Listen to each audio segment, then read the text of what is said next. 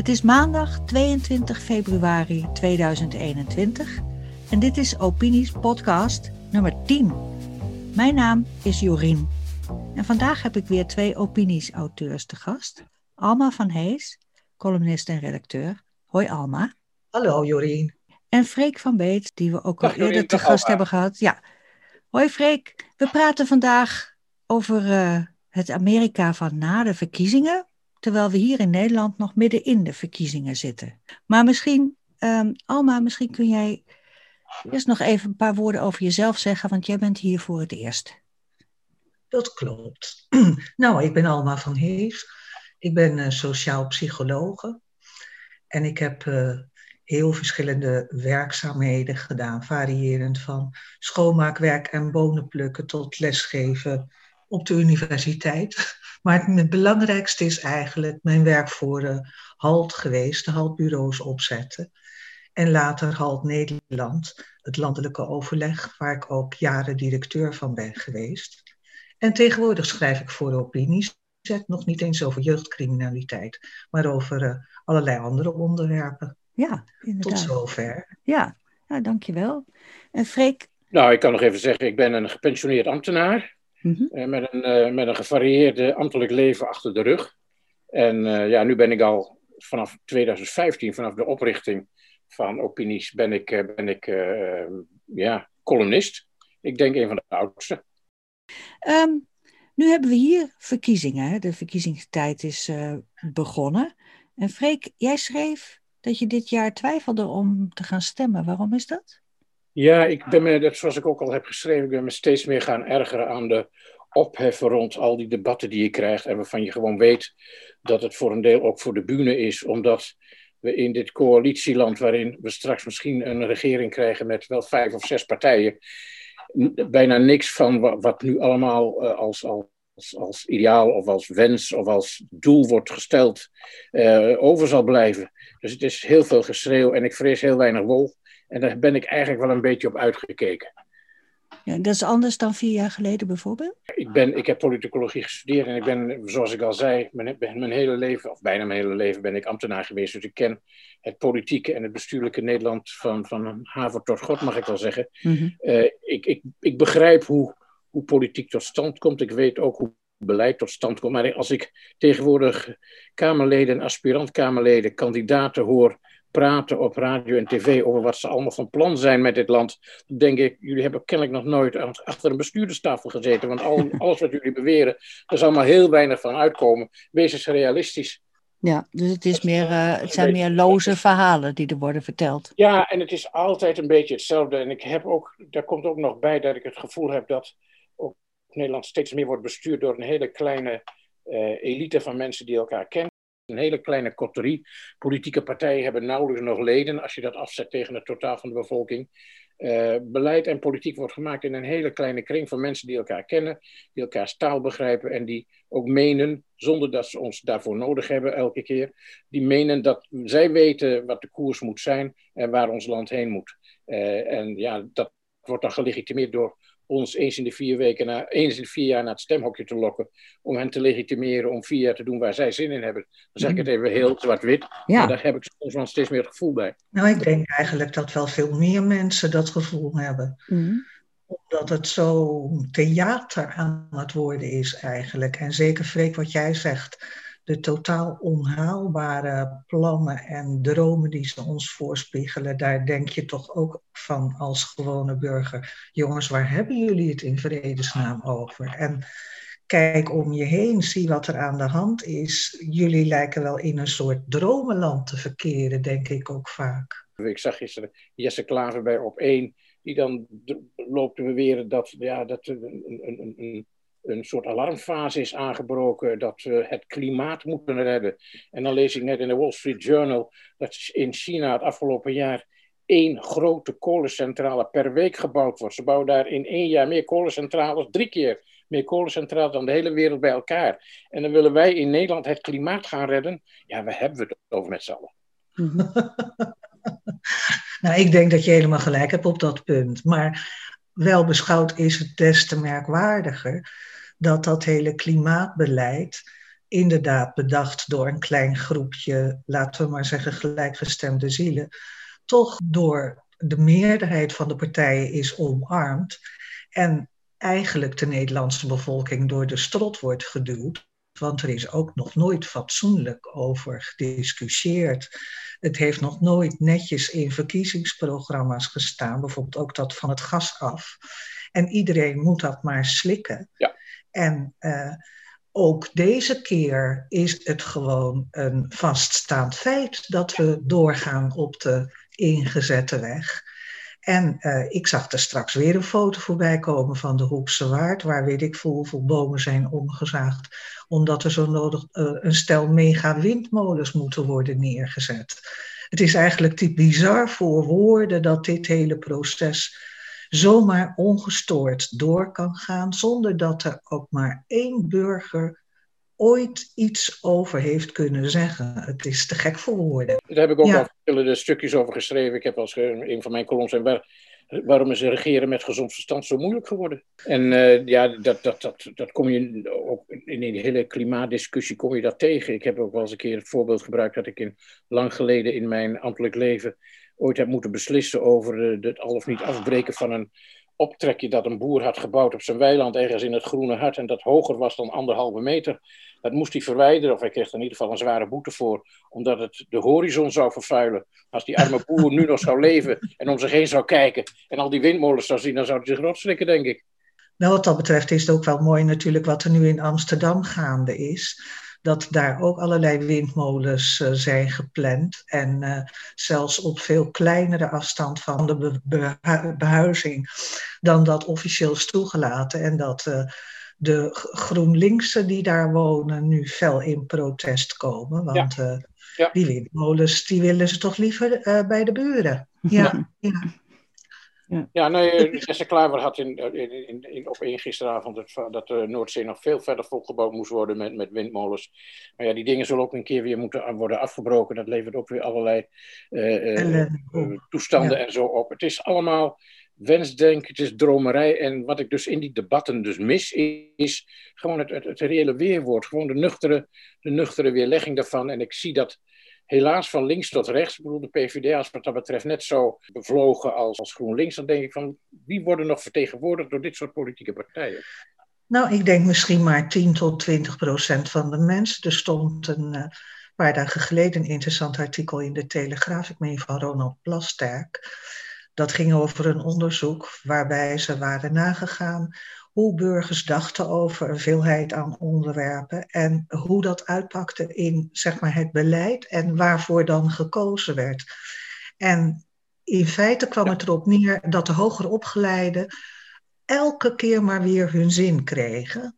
En dat je eigenlijk verder helemaal nergens over hoefde na te denken. Je hoefde alleen maar te kijken naar wat willen de hoger opgeleiden. Oké, dan gaat dat gebeuren. Ja. Maar dat is een groep van maar 10 tot 20 procent, even afhankelijk van hoe je ze definieert, van de bevolking. En de 80 procent heeft in feite dus het nakijken. Dat is toch te bizar voor woorden. Ik bedoel, zo hoort een democratie toch niet te functioneren? Nou ja, dat is dan ook de aanleiding geweest tot mijn, mijn stuk. Hè? Dat ik het gevoel heb van ja, hoe, uh, er wordt hoog opgegeven van we zijn een democratie, want we mogen overal mogen over meepraten en onze stem wordt gehoord. Ik heb de indruk dat de stem helemaal niet wordt gehoord. Ben ik helemaal met je eens. Ja. Nou, in dat artikel in de Telegraaf werd ook gesteld, als de 80% die dus nu wordt genegeerd, wel zijn stem beloond zou zien worden, zeg maar, dat daar in ieder geval rekening mee wordt gehouden, zou Nederland er heel anders uitzien. Dan zou je gewoon uh, veel minder uh, inderdaad klimaatonzin hebben en veel minder immigratie, omdat de meeste Nederlanders liever daar bepaal een perk aan willen stellen en ook veel minder EU. Maar dat zijn precies de dingen waar gewoon, zeg maar, uh, beleid eigenlijk in steen is uitgehouden. En uh, ik denk ook dat dat niet snel uh, gaat veranderen. Die, die, die mammoetanker die is eigenlijk zo langzamerhand vol op, op, op stoom. En hoe krijg je die de andere kant uit? Of zelfs maar een beetje bijgestuurd? Het is een heel elitair uh, gestoeld beleid. Het gaat over de idealen van een hele kleine groep. Uh, dat wordt gekaapt, uh, het wordt, wordt vereenzelvigd met, uh, met wat dan het, het, het politieke doel zou moeten zijn. een groot deel van het electoraat is door de, door de politieke partijen domweg in de steek gelaten. Alma, ga jij stemmen? Ja, ik, zou, ik, ik moet nog heel goed nadenken op wie. Want we hebben nu enorm veel keus. Ik geloof twintig partijen of zo. Ja, nog wel meer. Nog wel meer. Je zou denken, er valt inderdaad wat te kiezen. Maar ik ben in die zin net zo pessimistisch, denk ik, als Freek. Dat, mhm. dat, uh, dat ik dat ook dat ik niet zo snel die koers veranderd zie. En um, het is niet dat uh, de, de, degenen die die koers bepalen, hebben er namelijk helemaal geen belang bij. En bovendien zit je ook onder de EU-paraplu. En uh, als er één ding is wat Nederland niet gaat doen, is het uh, nee zeggen tegen voorstellen van de EU. Dat zie ik echt niet gebeuren. En zolang je daarin moet meevaren, eigenlijk, gekozen of ongekozen, ja, waar, waar zit je handelingsvrijheid nog, je soevereiniteit? Nou ja, precies. Dat is ook een van de redenen waarom ik dus uh, zo, zo dit stuk ook heb geschreven. Ook al zou je zeg maar kiezen of stemmen op een partij of op mensen waarvan je het gevoel hebt, die staan het dichtst bij je en die, die dragen zeg maar de idealen uit en de, ideeën die jou, die jou dichtst bij staan, dan nog krijg je uh, straks toch in de Tweede Kamer te horen, dit is allemaal al vastgelegd, dit mag niet van Brussel, dit ligt vast in akkoorden en verdragen. Dan denk ik, ja, waarvoor stem je nog op politici? Politiek is toch ook zorgen dat dingen gebeuren zoals die uh, volgens de meerderheid zouden moeten gebeuren. Als alles al vastgeklonken is in verdragen, akkoorden en Brusselse overeenkomsten, ja, dan kun je net zo goed thuis blijven, denk ik wel eens. Nou, ik denk dat je daarin ook gelijk hebt, want uh, de speelruimte is natuurlijk werkelijk minimaal. Als je het lijstje onderwerpen opzomt waarvan gewoon de, al vast staat eigenlijk hoe het moet, dan blijven er alleen nog maar redelijk oninteressante dingen over. Nu zitten alle politieke partijen weer luidkeels te roepen hoeveel woningen ze wel niet gaan bouwen en waar en hoe snel. En dat de woningnood een vreselijk probleem is, hupplepup enzovoorts. Maar ondertussen een onderwerp als van uh, migratie, om nou maar iets te noemen, uh, open grenzen. Uh, dicht bijvoorbeeld Nederland, waar je nu al eigenlijk een, een, een ruimtelijke ordeningsprobleem hebt wat ben je dan eigenlijk aan het doen als regering? En um, in feite heb je daar gewoon ook door de keuze om je zo aan de EU te binden, geen enkele speelruimte. Nee. Wat bizar is, want je zou gewoon kunnen zeggen: luister eens, Nederland is gewoon een klein snertland. En bovendien zitten we al propvol. Dus we gaan nu eens eventjes bedenken hoe we daarmee omgaan. En, of we nog wel dat hele open grenzenverhaal en de migratie, en noem het allemaal maar op, of dat gewoon wel voor ons een haalbare kaart is. Nou ja, het zou kunnen. Denemarken heeft het ook gedaan. Goed, die heeft op een aantal zaken voor wat betreft het EU-verdrag een zogenaamde opt-out. Maar Denemarken gaat voor wat betreft de grenzen en zijn migratiebeleid gewoon zijn eigen koers varen. En ik heb zeg maar dat migratiebeleid eigenlijk nooit zo goed begrepen hier. Ik ben, eh, ik ben ooit mijn ambtelijk leven begonnen als, als planoloog. En ik kan me nog heel goed herinneren, het kabinet Den Uil, ja, zo oud ben ik tenminste, die had als doelstelling: Nederland mag geen immigratieland zijn. Lijkt een eeuwigheid geleden. Hè? ja. Maar gewoon een, een simpel onderwerp als laten we eens spreken over uh, bevolkingsgroei. Weet je, zo'n soort onderwerpen. Het zijn eigenlijk, ze zijn al bij voorbaat taboe verklaard. Ja. Er zijn toch wel partijen die vinden dat immigratie uh, moet worden beperkt? Zeker, maar dit, dat, ik verwacht dat de PVV en Forum en uh, Ja 21 toch te weinig zoden aan de dijk zullen zetten om echt de koers die ingeslagen is door de mensen die die diploma die democratie bevolken, de, mm. de, de coterie van mensen die elkaar kennen, de 30.000 bestuurders, zoals ik ze eh, ook ergens heb genoemd, in navolging van uh, Engelen, dat, uh, ja, die, die, die laten zich daar niks aan gelegen liggen. Het, gaat, het is een, een koers die ingeslagen is en waar maar heel weinig aan, aan zal worden veranderd. Moeten wij ons er dan bij gaan neerleggen, want we hebben niks meer in de melk te brokkelen, begrijp ik, van jullie. Nou, wat ik in dat opzicht van deze tijd wel weer heel boeiend vind, is dat er zoveel onvoorspelbare factoren zijn. Ja. En uh, als je bijvoorbeeld kijkt naar het coronabeleid, dan heb ik de indruk dat Rutte nu niet bepaald de ondernemers tot zijn vrienden kan rekenen met de manier waarop hij daar nu mee omspringt. Ik kom berichtjes tegen op Twitter van ondernemers die zeggen: Ik ken geen enkele ondernemer meer die nog op de VVD gaat stemmen. Mhm. Gewoon omdat zij zich totaal in de steek gelaten voelen. Daar zitten natuurlijk nog meer van die onvoorspelbaarheden in deze tijd nu. Ik bedoel, Rutte die gokte nu eigenlijk op dat hij met het coronabeleid kan scoren als mm hoeder van het vaderland. Mhm. Maar dat kan best wel eens een foute gok blijken te zijn. De peilingen wijzen wel op uh, een grote winst, of in ieder geval goede stabiliteit voor de VVD. Dus hij maakt zich geen zorgen, denk ik. En de kiezers hebben nauwelijks een alternatief. Hè? Want kijk, uh, het CDA schurkt heel dicht tegen de VVD aan. Ik zie nauwelijks verschil tussen wat zij willen en wat de VVD wil. De, ter linkerzijde zijn het uh, zo langzamerhand allemaal mini-partijtjes geworden die nog geen deuk in een pak boter kunnen slaan. PVV zal ongetwijfeld rond die 20 zetels, misschien 25 blijven. Ja, dat is heel groot. Maar ze zullen toch niet een, een regeringspartner vormen, tenzij ze echt heel veel meer stemmen zullen halen. Ik denk dat de VVD toch veiligheidshalve weer voor CDA zal kiezen en voor D66. En dan zal de PvdA of, of uh, GroenLinks mogen aanschuiven. Dus ik zie niet zo snel een wisseling van de wacht. Ook al kunnen tussen nu en de verkiezingsdatum nog hele onverwachte dingen gebeuren hoor. Dat zou wel kunnen. Ja. Maar ik zie, kan niet goed inzien dat het politieke landschap zo zal veranderen dat andere opinies uh, een rol gaan spelen. Hey, eh, misschien moeten we eens even uh, de oceaan oversteken. Want daar, daar hebben we niet 25 of 30 partijen die allemaal hetzelfde zeggen. Maar daar heb je juist een enorme polarisatie tussen twee partijen die ongeveer tegenovergestelde van elkaar willen. Heb jij dat een beetje bijgehouden wat er allemaal in Amerika gebeurde tijdens de, de verkiezingen, maar ook daarna? Uh, die verkiezingstijd, kun je daar uh, iets over zeggen?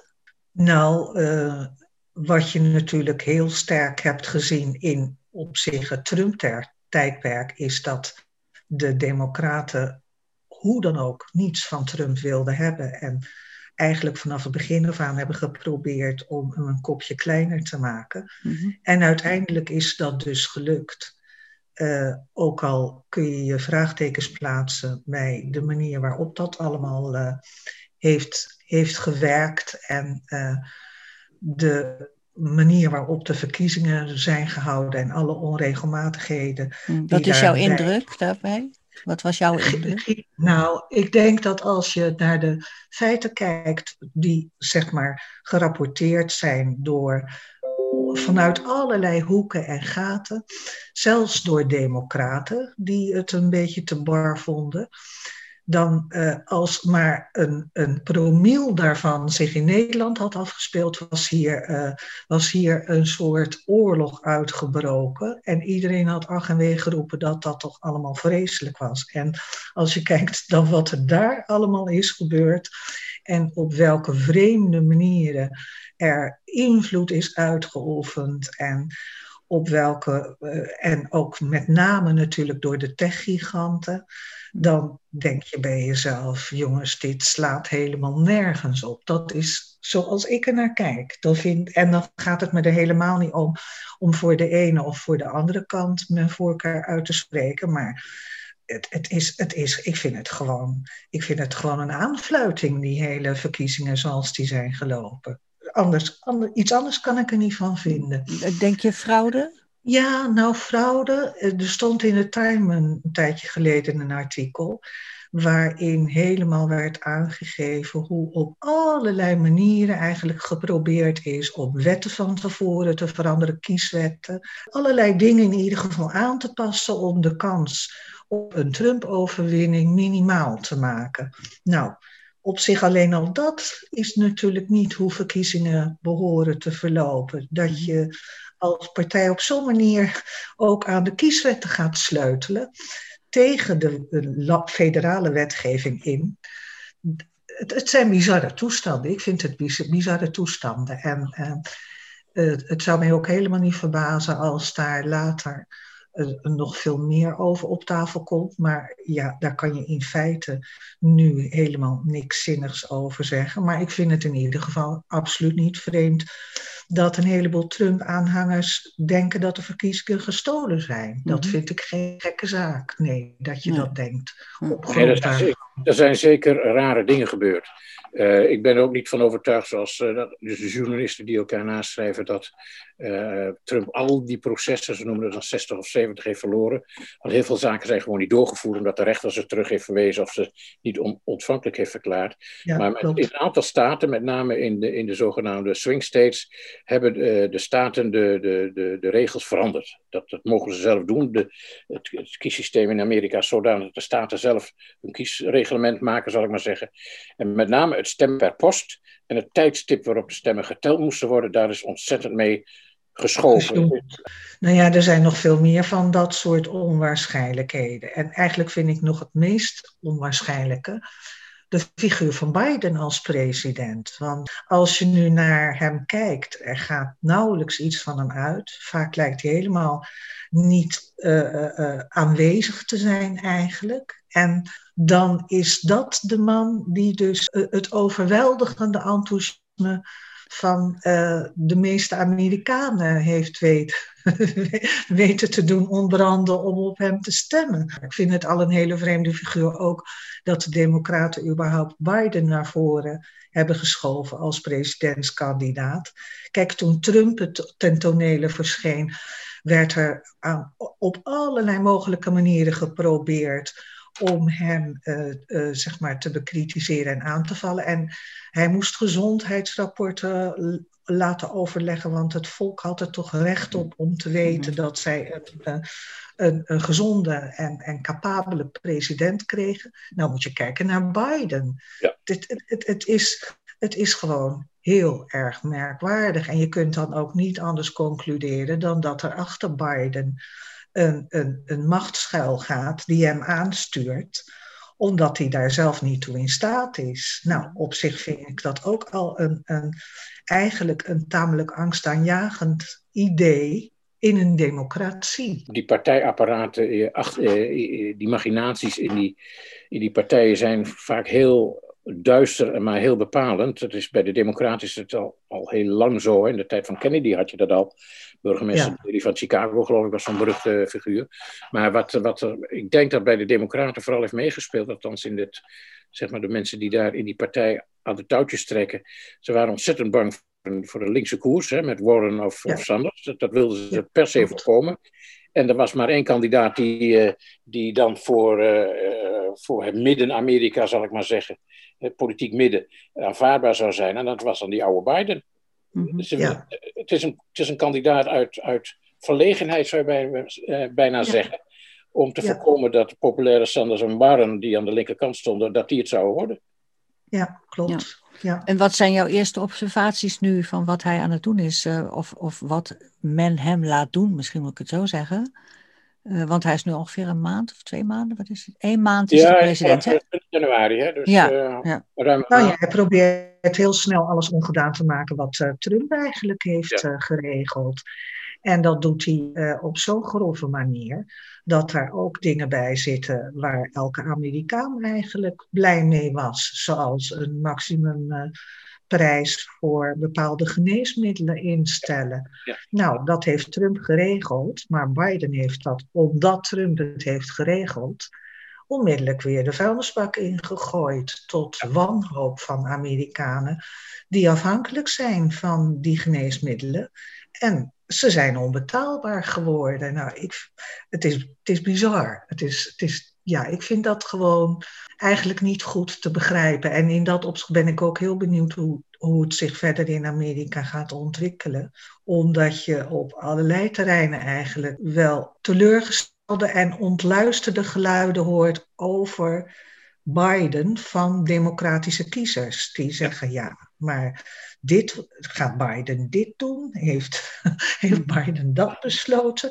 Dat ze er nu pas achter lijken te komen, eigenlijk wat, wat zijn koers is. Ja, nou ja, wat mij heel erg opvalt is hoe kritiekloos en eigenlijk uh, bijna vol aanbidding de Nederlandse journalistiek achter Biden aanloopt. Hij heeft nog nauwelijks iets gedaan.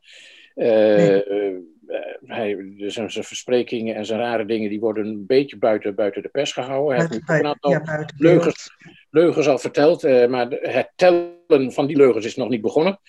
Vanaf dag één dat Trump bezig was, elk zuchtje en, en, en woord wat hij uitsprak werd al op een goudschaaltje gewogen. En het gestunte van Biden, dat wordt, uh, als, als, als, nou, wordt met lof overgoten, bij wijze van spreken. Mm -hmm. ik vind het heel merkwaardig. Wat voor gekke dingen heeft hij nu uh, onlangs gezegd? Kun je een voorbeeld geven? Nou ja, bijvoorbeeld het, feit dat, uh, dat de, de grens weer open gaat voor mensen die vanuit Midden-Amerika naar Amerika toekomen. het stopleggen van de bouw, stopleggen van de bouw van die, van die pijpleiding. Uh, het, het, overwegen om we hier, uh, met Iran weer aan tafel te gaan zitten. Mm -hmm. nee, maar goed, het, ik vind het heel opvallend hoe, hoe, uh, hoe weinig kritisch men de daden van Biden op dit moment volgt. Nou ja, het is in feite een, een, een logisch verlenging van de overdreven kritiek die ze in de afgelopen vier ja. jaar op Trump hebben gehad. Want ja je kon gewoon niets positiefs over die man ergens lezen of horen. En ehm, als je je wilde informeren, was je aangewezen op gewoon echt andere bronnen dan uh, de kranten en de media in Nederland. Ja, ja, ja. Het, het, was gewoon eigenlijk bizar. En zelfs ook met de Abraham-akkoorden. Mhm. Dat kan je eigenlijk alleen maar prijzen. Dat dat resultaat is geboekt. En ook dat is uh, in Nederland eigenlijk uh, grotendeels onder de tapijt geschoven. Daar is nauwelijks aandacht voor geweest. Denken jullie dat hij de vier jaar gaat volmaken, Joe Biden? Ja, vind ik moeilijk. Uh, ik weet niet hoe zijn gezondheid zich zal verhouden, maar ik hou er rekening mee dat na twee jaar Kamala Harris het gaat overnemen. Denk je dat het veel woker, uh, ik weet niet of dat bestaat, woker, meer woke? Ja, ja, ja dat, zal, dat zal zeker, dat is in Amerika is toch al dan een, nog een krankzinnige gekte dan mm. hier. Uh, dus dat zal zeker gebeuren, ja. En gaat het ook naar Nederland komen? Want dat wordt vaak uh, gezegd, hè, van het gebeurt eerst in Amerika en dan vervolgens ja, krijgen ja, we... Ja, we hebben hier natuurlijk ook al, al, al dingen van meegemaakt. Ik hoop dat men hier wat, eh, wat uh, bezonnener is. In Frankrijk heeft, uh, is, heeft Macron al op de rem getrapt. En Boris Johnson heeft ook in Engeland nu al wat laten horen dat wat hem betreft dat ook wel eens een beetje normaal mag worden. Dus laten we hopen dat we hier ook wat nuchterder worden. Maar ik, ik, ik voorlopig zie ik dat nog niet zo. En jij hebt daar onlangs nog over geschreven, hè? Ja, dat ging met name over de acties van Biden om om zeg maar die, die, die overdreven uh, uh, genderneutraliteit uh, te bewerkstelligen door in, in de, het Huis van Afgevaardigden allerlei woorden te gaan verbieden. Vader mocht niet meer, moeder oh ja. niet meer, enzovoorts. Dat hele, dat hele spektakel. En ook zijn daad om, zeg maar, de tot vrouw getransformeerde mannen uh, in de vrouwensport toe te laten. Met als gevolg dat deze zeg maar, nieuwe vrouwen een hele oneigenlijke concurrent zijn voor de biologische vrouwen, want je wint er gewoon nooit van. Mm En in feite is dat het einde van de vrouwensport. Ja. Wel, zulke soort, zulke soort dingen, dat uh, zie ik niet onmiddellijk in Nederland gebeuren. Maar we hebben hier al een flinke klap van de molen meegekregen, denk ik zo. Als je, als je naar een aantal zaken kijkt. Uh, de genderneutrale toiletten vallen natuurlijk in het niet bij uh, de acties van Biden, maar stoelen in wezen op dezelfde flauwekul. Mm -hmm. En zo is het er nog wel meer, ook als het over uh, racisme gaat en ook het, het, het, het, totaal overtrokken acties van, rondom uh, zeg maar Black Lives Matter. Mm. En ook hier hebben wij uh, antifa-groepjes rondlopen die het liefst uh, hun Amerikaanse voorbeeld zouden willen volgen. Dus ik vind dat, er wel aardig, dat we wel aardig waakzaam moeten zijn, want nou ja, en, dat, ja, en als ik er waakzaam, daar ben ik met je eens. Wij mogen waakzaam zijn, maar eigenlijk is dat een rol die eh, eigenlijk aan de media wordt toegedicht. Maar die zijn, eh, die, die, die, die dienen dit, dit, dit, dit, streven alleen maar. Je kunt tegenwoordig geen krant meer opslaan of de, de, de, de woke- en genderartikelen, die, die walmen je eh, naar voren, zal ik maar zeggen. Daar word je echt niet goed van. Ja, dat is absoluut zo. En de diversiteit wordt je op 188 manieren door de strot geduwd. Ja, ja. ik las laatst ergens van als je nu kijkt naar de Nederlandse reclames, dan denk je dat ongeveer de helft van Nederland een, een, een, migratieachtergrond heeft. Weet je, zo overdreven wordt dat allemaal gepusht. Ja. Maar wat wel weer interessant natuurlijk is, als je zegt, oké, wat in Amerika gebeurt, of waait een keer naar ons over. Trump is ook in Amerika gebeurd. En ehm, het feit dat hij uh, toen heeft gewonnen, hij heeft natuurlijk toen uh, de stem vertolkt van heel veel Amerikanen die zich absoluut niet gehoord voelden door de Democraten. Ja. En in wezen hadden we het in het begin van het gesprek precies over hetzelfde. Ja. Dat je in Nederland eigenlijk ook al spreken over 80% van de bevolking die zich niet vertegenwoordigd voelt mm -hmm. door de politiek. Je, je hebt dan toch een soort ondergrond die tot hele onverwachte wendingen op een gegeven moment kan leiden.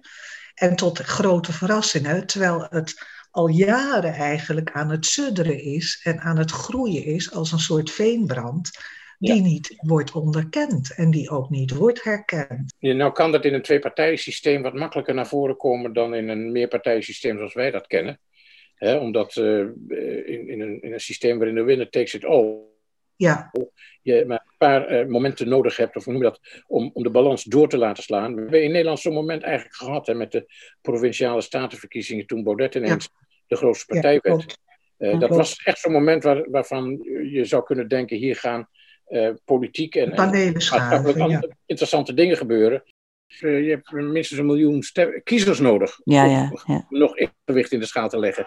Die leden die zijn maar in beperkte mate relevant. Dat is belangrijk om, om je een, een kader op te bouwen waarvan, waaruit je, je, je bestuurders kunt recruteren. Maar het belangrijkste, zeg maar, bij verkiezingen gaat het toch om hoeveel kiezers krijg je achter je. En uh, ja, dat momentum, dat, dat, is helaas met statenverkiezingen, althans kort daarna, uh, ja, verdwenen. Zeg, hebben jullie, hebben jullie nog een advies voor die 80% van die mensen die zich niet gehoord voelen dan? Niet op de kartelpartij stemmen. En wat ik zelf ook wel interessant vind, maar dat staat even los zeg maar, van op wie je stemt. Kijk, deze gekkigheid kan natuurlijk nog een heel tijdje doorgaan en doorsudderen. Maar uiteindelijk is, denk ik, het geld een keer op. En dat geldt voor de groene flauwekul. En dat gaat natuurlijk opspelen met uh, uh, uh, de coronaschade. En dan zul je op een bepaald moment ook bot opbotsen tegen de grenzen van het mogelijke of het onmogelijke, zeg maar. En ook dat kan natuurlijk voor een forse wending gaan zorgen. Mm. Want je kunt niet zomaar miljarden erbij gaan zitten toveren. Nou ja, de ECB kan heel veel. Hè? Ik bedoel, ja je, moet, je krijgt nu zelfs boete als je te veel spaargeld hebt. En je krijgt geld toe als je leent. Dus dat is een situatie die misschien nog wel even door zal gaan. En ook verantwoordelijk is voor heel veel ja, onheil, bijvoorbeeld op de woningmarkt. Uh, dus ja, geld is, is, er is iets heel merkwaardigs mee aan de hand. Het is kennelijk in overvloed, omdat men in, in, in Frankfurt aan de geldpersen draait. Goed, nou, het advies aan de 80% die zich niet gehoord voelt is: stem niet op een kartelpartij, maar of het zal helpen, dat moeten we maar afwachten. Oké, nou misschien is dat uh, een goede afronding van dit gesprek. Ik wil jullie uh, hartelijk bedanken voor dit gesprek. Het was interessant om uh, beide meningen te horen over verkiezingen hier en verkiezingen daar. En we hopen elkaar binnenkort weer eens te spreken. Hartelijk dank. Helemaal goed. Dit was de podcast van Opiniescom. Opinies met een Z voor de nieuwste bijdragen en columns over politiek en maatschappij in binnen- en buitenland. Het is helemaal gratis